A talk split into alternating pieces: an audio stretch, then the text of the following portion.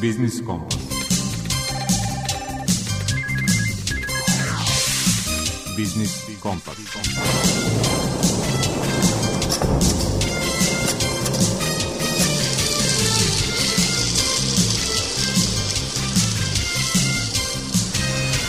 Pred mikrofonom je Đuro Vukelić. Dobar dan, poštovani slušalci. Novo računanje vremena od proteklog vikenda i nedelju dana star najnoviji račun za inflaciju od 16,1%. Još je srećom daleko od one astronomske od pre tri decenije. Ipak, kažu, oprez je majka mudrosti. Na ta nesrećna vremena podsjetila je ovih dana promovisana knjiga profesora Đorđe Đukića i Bože Draškovića pod nazivom Srbija od sankcija do neokolonijalne privrede. Tom prilikom zabeležili smo i razmišljanja profesora Đukića o inflaciji onda i sad. Čućete ih u rubrici Aktuelno. Gost autor rubrike iz mog ugla je savjetnica za odnose s javnošću u Razvojnoj agenciji Vojvodine Vlastimira Stanković. Govorit će o aktivnostima te agencije na promociji i povezivanju vojvođanske privrede s okruženjem. U svetu preduzetništva Marija Prokopić iz Regionalne razvojne agencije Bačka predstavlja projekte AOFI, Agencije za osiguranje i finansiranje izvoza Republike Srbije. Rast referentne kamatne stope, posebno Euribora, postao je prava noćna mora za korisnike kredita sa promenljivom kamatom. Kako se obračunava, objasnit će savjetnica u sektoru za zaštitu korisnika finansijskih usluga u Narodnoj banci Srbije Jelena Popović. U rubrici Potrošačka korpa prava pravni savjetnik u Udruženju za zaštitu potrošača Vojvodine Mladen Alfirović podelit će sa vama nekoliko savjeta oko uštede struje, energenta koji će, kako je danas objavljeno, od 1. maja poskupeti za 8%. I prepustimo se nakratko izboru muzičkog urednika Zorana Gajinova. You're here with me now, but you said you don't want me anymore. You're holding me now, but you said you can't see me no, no more. You whispered goodbye,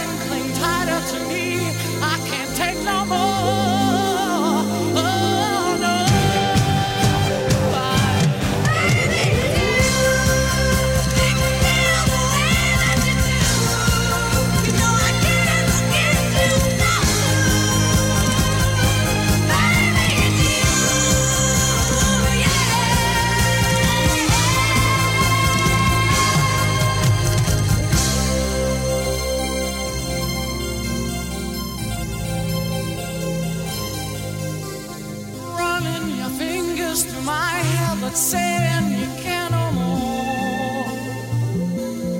You're kissing my ear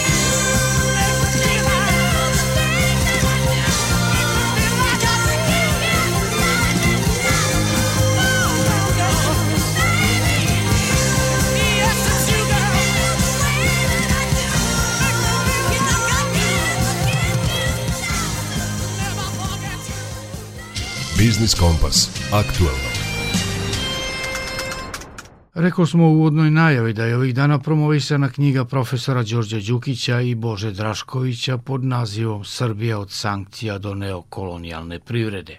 To delo obuhvata 90. godine prošlog veka, kada smo bili svetski rekorderi u hiperinflaciji i pokušaju tadašnjeg guvernera Dragoslava Vramovića da zauzda inflatornu pošast – jednog od koautora, profesora sa ekonomskog fakulteta u Beogradu Đorđa Đukića, pitali smo mogu li se, bez obzira na bitno drugačije okolnosti u vidu tadašnje izolacije zemlje i rata u okruženju, izvući neke pouke za vreme sadašnje i inflaciju koja je mesecima unazad dvocifrena. Ključne pouke jeste to je da smo se mi uspavali na periodu dugom niske stope inflacije, a da sada u stvari kada inflacija hvata e, zalet, mogu da vam kažem da jedan put kada uđe u dvocifrenu zonu inflacija, čak i u zemljama koje imaju uređene institucije, vrlo je teško lečiti. Zašto? Zato što inflatorna očekivanja koja se vezuju za psihologiju čoveka nisu takva da ih mehanički potezima monetarne politike ili fiskalne možete suzbijati.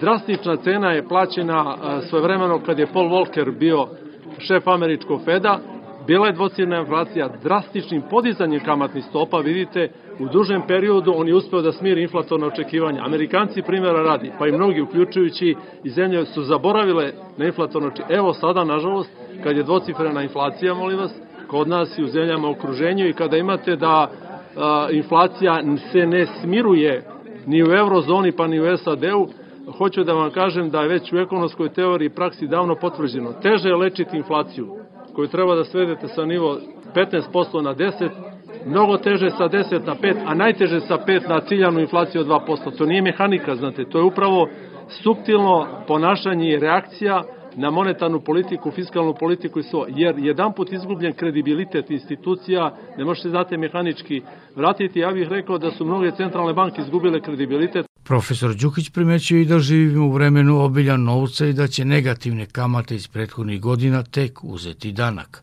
Iluzorno je očekivati i da će nas zaobići posledice najnovih poremećaja u bankarstvu Evrope i Amerike, objašnjava on. Evo vam samo jedan dokaz. Američki Fed je sad smanjio povećanje, umesto 50 najavljeni povećak za 25. ECB je to uradila za 50 badnih koja. Međutim, razlika ili diskrepanca između te dve centralne banke koje dominiraju, ako hoćete, svetom zašto, pa zbog moći dolara, je tako, evra, je i dalje velika.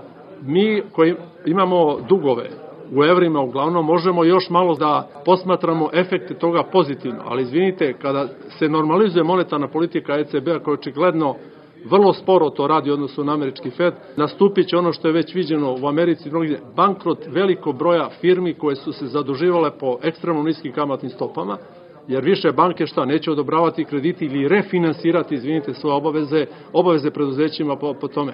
Evo uzmite isto države. Hoću da kažem, nije ovo teorija zavere. Kriza dugova, javnih dugova je neumitna. Koja je još kriza neumitna? Pre e, dve godine sam govorio o tome posmatrajući time tržište obveznica. Svi su spavali, kažu penzioni fondovi sve u redu, nije tačno. Penzioni fondovi imaju u portfelju ogromnu količinu državnih obveznica. Pošto su kamate počele da rastu, cena obveznica drastično pala, ako bi penzioni fondovi došli, ne daj Bože, a već vidimo da imaju problema. Švedski fond je izgubio milijardu primjera radi evra, zbog te, tih makaza, znate, onda je pitanje da li će neki fondovi propasti, ne zato što je uprava tih fondova to loše radila, nego zato što mehanizam kamatnih stopa gura cenu obveznica drastično nadola, u portfelju njihovom su šta uglavnom takozvane prvoklasne državne ili korporativne obveznice zbog prinosa koji oni očekuju na to. Imali za Srbiju rješenja u takvim okolnostima? Insistiranje na fiksnom deviznom kursu to nije, ni najmanje, smatra Đukić. Kao ekonomista uvek sam bio frapiran da od 2000. godine monetarne vlasti, ma koje bile, svi su inklinirali ka fiksnom deviznom kursu, a taj fiksni devizni kurs je za mene rak rana i koja vodi praktično sistematski privredu Srbije u neokolonijalni položaj, jer motiviše šta? Uvoznike, motiviše zaduživanje, zatvara mogućnost centralne banke da koristi devizni kurs i politiku ako hoćete u neke druge svrhe. Zašto? Pa kad imate jedan put fiksiranje kursa i promašite u izboru režima kursa, a podlačim Narodna banka Srbije utvrđuje režim kursa u saglasnost vlade Srbije, onda nema povratka. To je u medicini kao kad date lošu terapiju. Tako da sadašnja zamena teza Vi možete kažete da, da, fiksni kurs odgovara kome, nećemo da padnu penzije realno, nećemo plate, nećemo, pa, pa to svako zna, tu ne treba znanje ekonomije, ali izvinite, ja postavljam drugi stvar. Da smo od 2000. godine primjenjivali režim slobodno plivajuće kursa, mi bi imali situaciju, niti bi se zemlja toliko zadužila zbog straha šta dužnika da neće da mogu da vrate, jer kad je realna cena deviza svaki dan vi dobro razmišljate, kao ja i kompanija i država da ćemo se zadužiti. Drugo, ono što je ključno, gajio bi se kult onoga što se zove izvoznika, to treba 20-30 godina, jer izvozne firme ne mogu one da tumaraju na devizno tržištu šta će da ih zadesi. One su srećne da se bave inovacijama, ali znaju da kad kupuju devizu tog dana da je to realni kurs i da neće izgubiti na poslu zato što veštački neko drži kurs koji je takav kakav jeste. Na podlozi čega veštački? Strane direktne investicije, priliv doznaka i ono što je isto tako za mene fatalno kao ekonomiste, priliva deviza poslovnog zaduživanja. Da li je to normalno? Za mene kao ekonomistu ne. Kada je normalno i time vas završava ako gro deviza u zemlju dolazi po liniji izvoza roba i usluga. Na državi je, dodaje Đukić, da obezvedi stabilne javne financije, odgovarajući monetarnu politiku i ono što godinama najavljuje – socijalne karte kojima bi zaštitila položaj ekonomski najugroženijih delova stanovništva – Na posledku, režim slobodnog deviznog kursa savršeno govori da li je ekonomska politika efikasna i da li su očekivanja opravdana, zaključuje Đukić.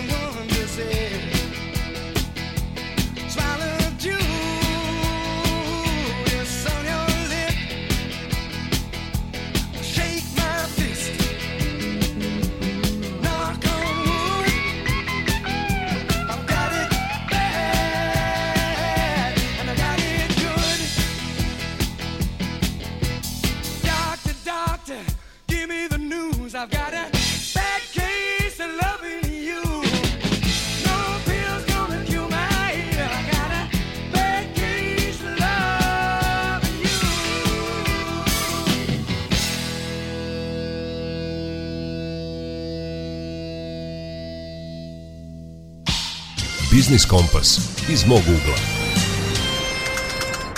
Razvojna agencija Vojvodine je od osnivanja na mnogo načina upućena na podršku privredi. Promovisanje investicijonog potencijala pokrajine i mogućnosti domaće privrede u osnovi su svih aktivnosti agencije, kaže u rubrici iz mog ugla savjetnica za odnose s javnošću Vlastimira Stanković. Razvojna agencija Vojvodine je agencija koja pruža podršku investitorima u Vojvodini, koja radi na razvoju lanaca dobavljača i povećanju izvoza, znači pomažemo i malim i srednjim preduzećima da započnu ili da prošire izvoz, ali isto tako pomažemo velikima da nađu dobavljače, promovišemo privredne i investicione potencijale Vojvodine, analiziramo privredu i dajemo predloge za njen razvoj. To je recimo sad trenutno aktualno. Uključeni smo vrlo aktivno izradu plana razvoja Vojvodine za, za period od 2023. do 2030. godine. Dakle, čitav jedan niz aktivnosti je usmeren na pomoć privredi, pre svega sektoru malih i, i srednjih preduzeća.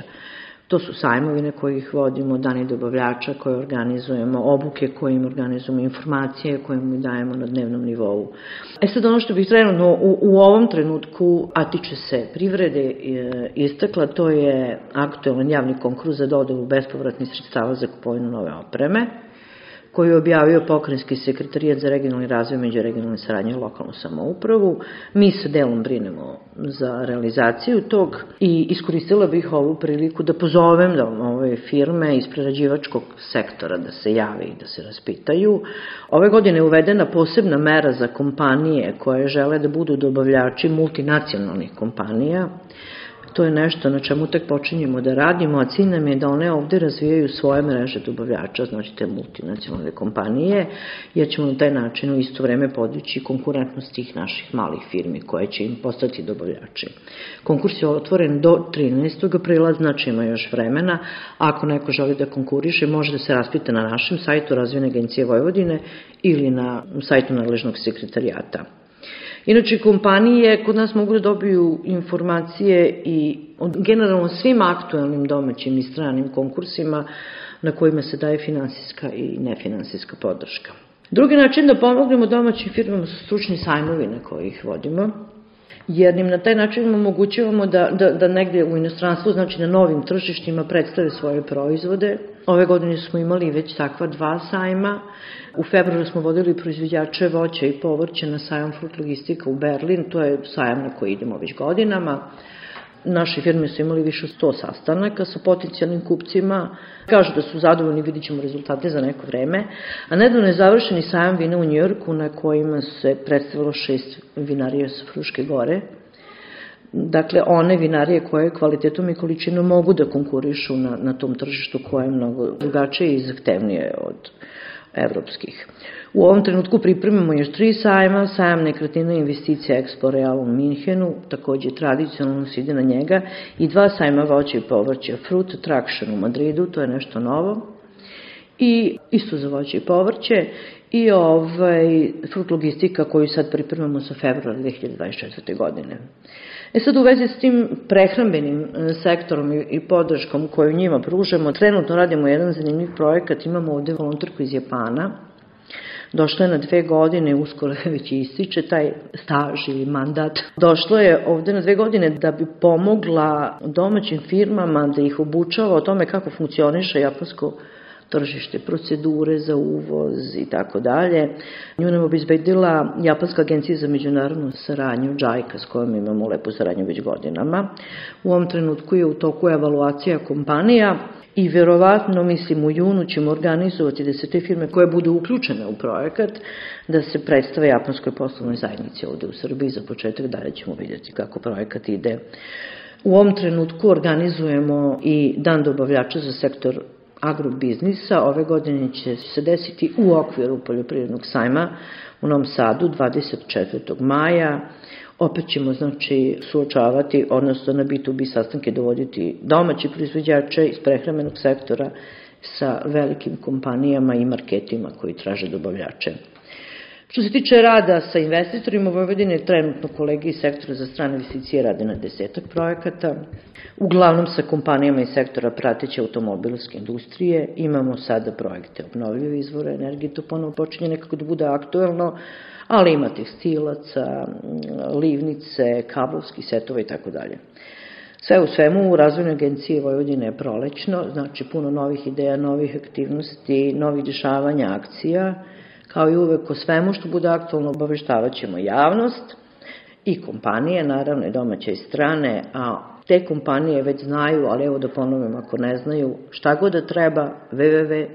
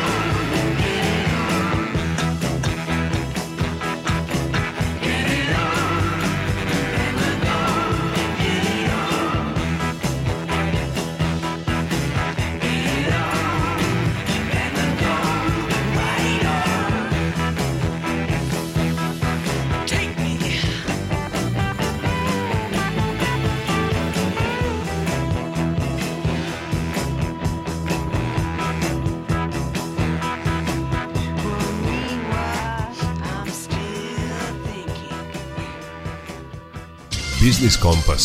Svet preduzetništva. Rukovodilac projekata u regionalnoj razvojnoj agenciji Bačka Marija Prokopić u rubrici Svet preduzetništva predstavlja aktivnosti Agencije za osiguranje i finansiranje izvoza Republike Srbije. U suštini odobravaju se dinarski kreditni aranžmani sa rokom otplate do 10 godina izvoznicima, domaćim pravnim licima i preduzetnicima ukoliko zadovoljavaju sledeće uslove, posjeduju ugovor o zaključenom spoljno-trgovinskom poslu sa inokupcem ili odgovarajuće dokumente iz kojih se može nedvosmisleno zaključiti da se radi o izvoznom poslu ili poslovima kojima se utiče na podstica izvoza.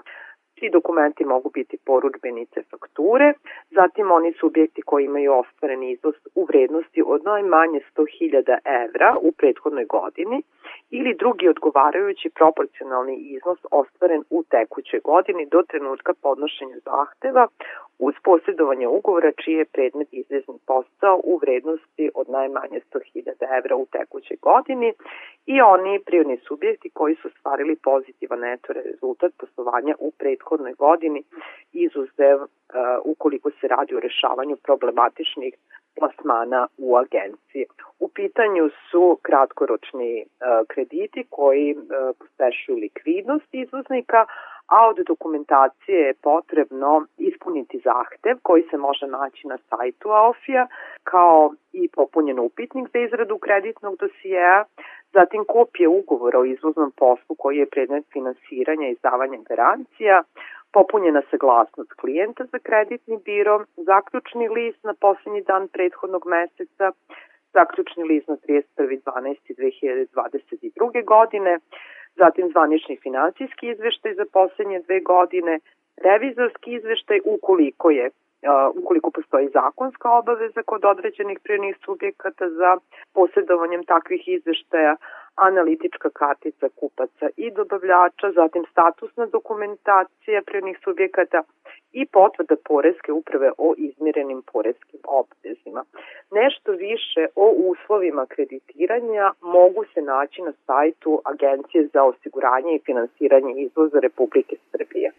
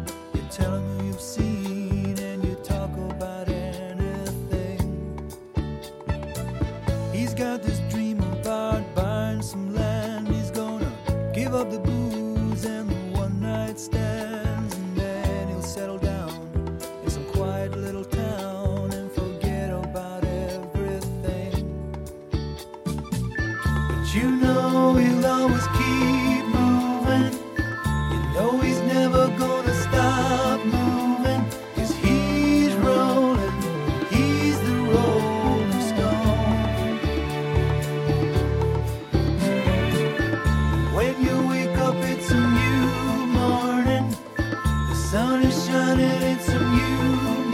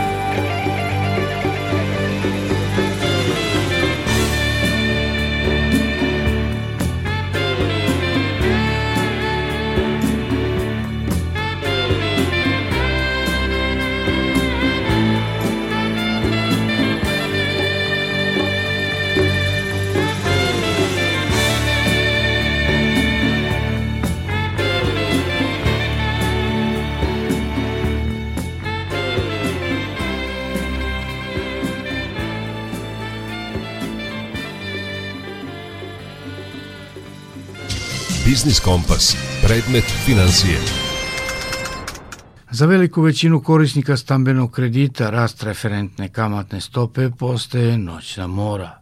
O tome kako zapravo rast referentne kamate utiče na povećanje rate i poskupljenje kredita, u rubrici Predmet financije govori savjetnik u sektoru za zaštitu korisnika finansijskih usluga u Narodnoj banci Jelena Popović. Najveći broj korisnika kredita ne razume kako se vrši usklađivanje ukupne kamatne stope, koja se sastoji od referentne kamatne stope, za najčešće šestomesečni ili tromesečni Euribor i marže. Pre svega napominjem da činjenica da ste ugovorili šestomesečni ili tromesečni Euribor kao referentnu kamatnu stopu ne znači da će banka visinu kamatne stope menjati svakih šest ili tri meseca, budući da Euribor kao evropska međubankarska stopa predstavlja dnevnu referentnu kamatnu stopu po kojoj e, prvoklasne evropske banke jedna drugoj pozamljuju novac na međubankarskom tržištu, gde je odrednica od šest meseci zapravo predstavlja period ove međubankarske pozajmice. Naime, banka visinu kamatne stope usklađuje s vrednošću Euribora na dan usklađivanja koji je određen isključivo ugovorom o kreditu. Naime, zakonom o zaštiti korisnika finansijskih usluga banka je dužna da korisniku pruži informacije i odgovarajuće objašnjenja o uslovima koji se odnose na taj ugovor o kreditu i za koji je korisnik pokazao interesovanje, na način koji će korisniku omogućiti da uporedi ponude različitih davalaca istih usluga i da proceni da li ovi uslovi odgovaraju njegovim potrebama, finansijskoj situaciji, ali koji ga nijednog trenutka neće dovesti u zabludu.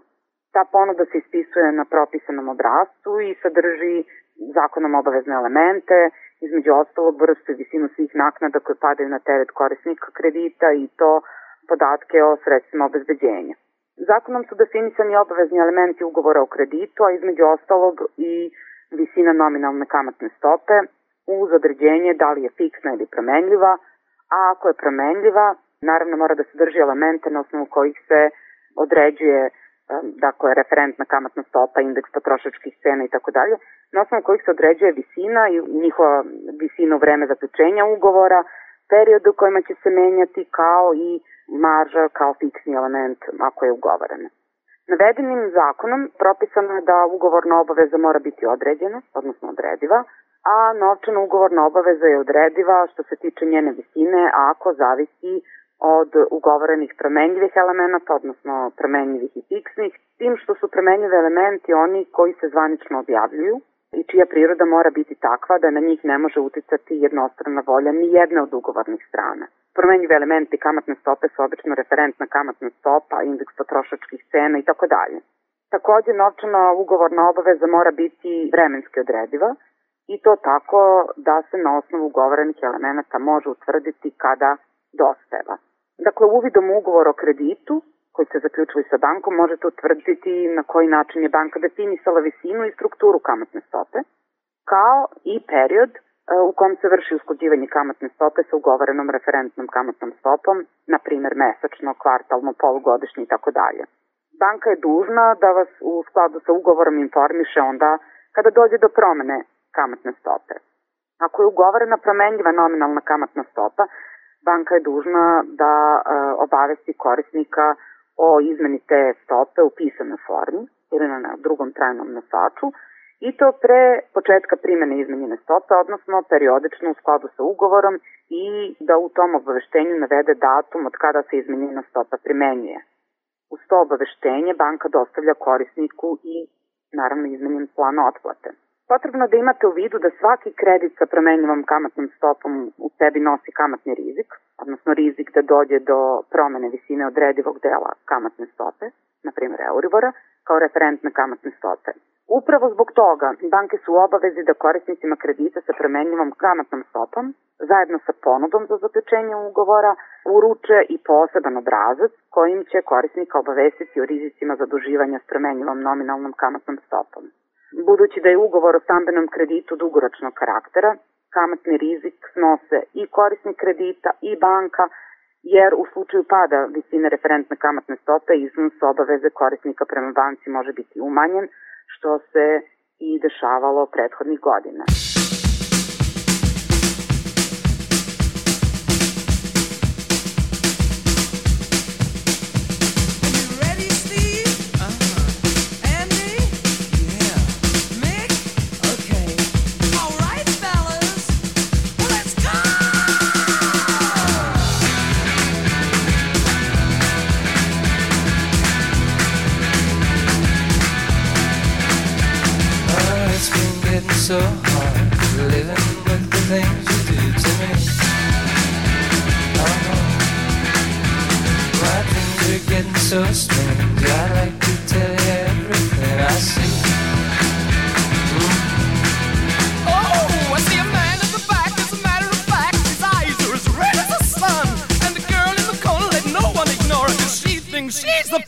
Passionate one. Oh, yeah,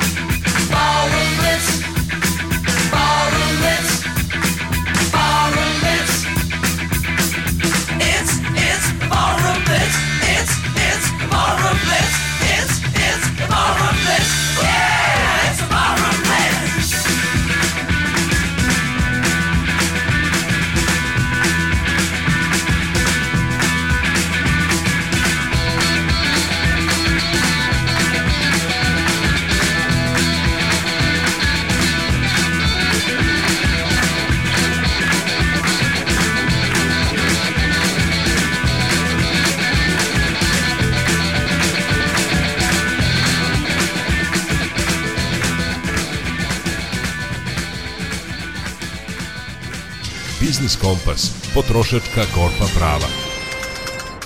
Agencija za energetiku dala je saglasnost za poskupljenje električne energije od 8% i kilovat koštaće 13,31 dinar. Razlog više je da još bolje razmislite o uštedi struje i poslušate nekoliko saveta na tu temu od pravnog savjetnika u Udruženju za zaštitu potrošača Vojvodine Mladena Alfirovića. Jedan očigledan način nam stoji bukvalno ispred nosa, da o njemu i ne razmišljamo.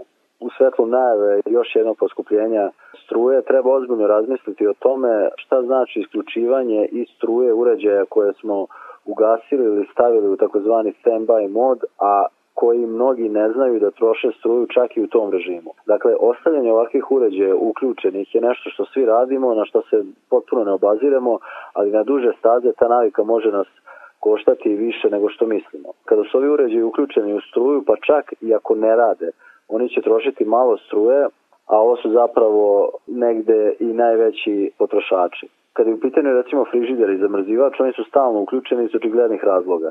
I ne iznenađuje činjenica da je oko 12% elektri potrošnje električne energije domaćinstva rezervisano za ove uređaje.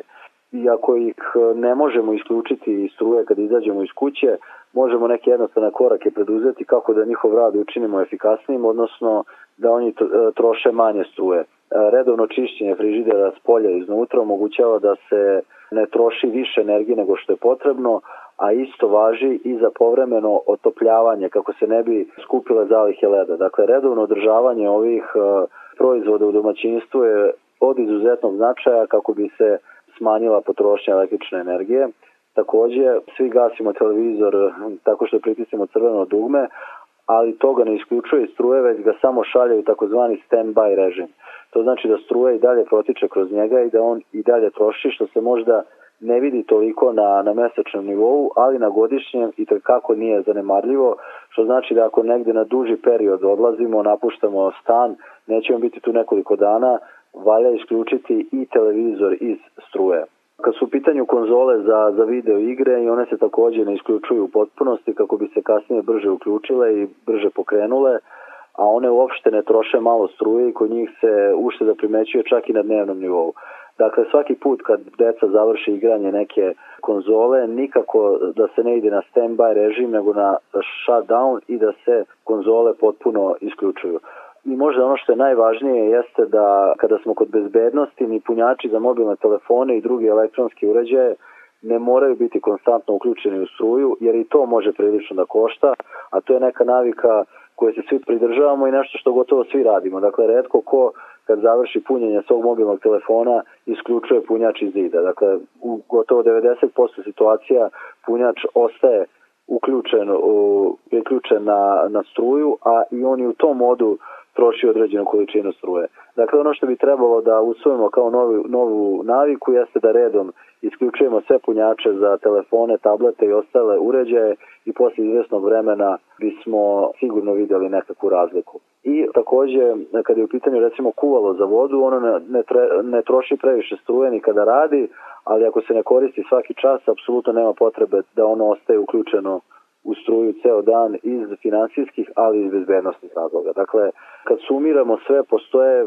gotovo svi elektronski uređaji u domaćinstvu koje redovno koristimo na dnevnom nivou, a ako promenimo svoju naviku kad, kad je u pitanju korišćenja tih uređaja, uštede na mesečnom i godišnjem nivou se mogu postići od 10 do čak 25 do 30% mesečnog računa za električnu energiju. Ba,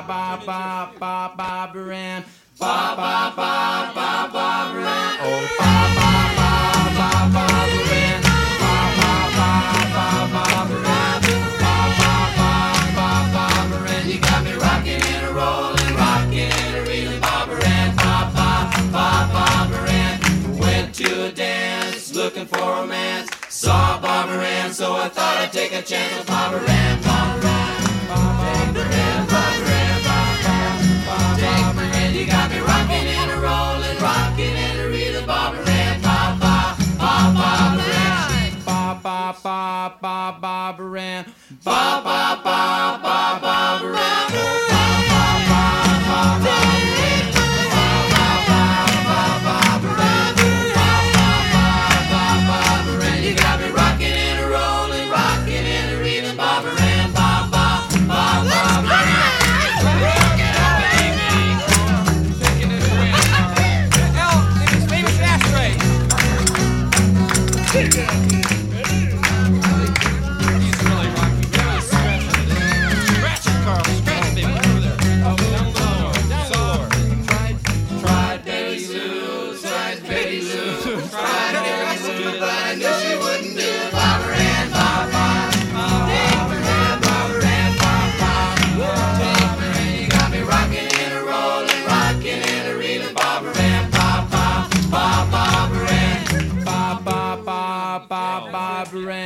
ba ba Barbara Ann. Ran. Ba ba ba ba ba Ran. Oh, ba ba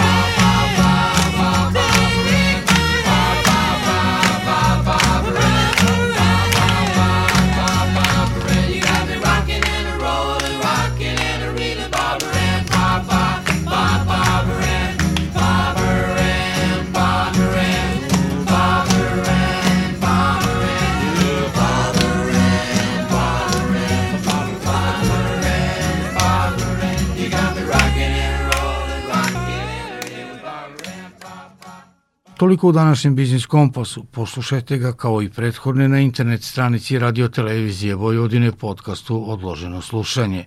To vam poručuju muzički urednik Zoran Gajinov, ton majstor Damjan Šaši i urednik emisije Đuro Vukelić.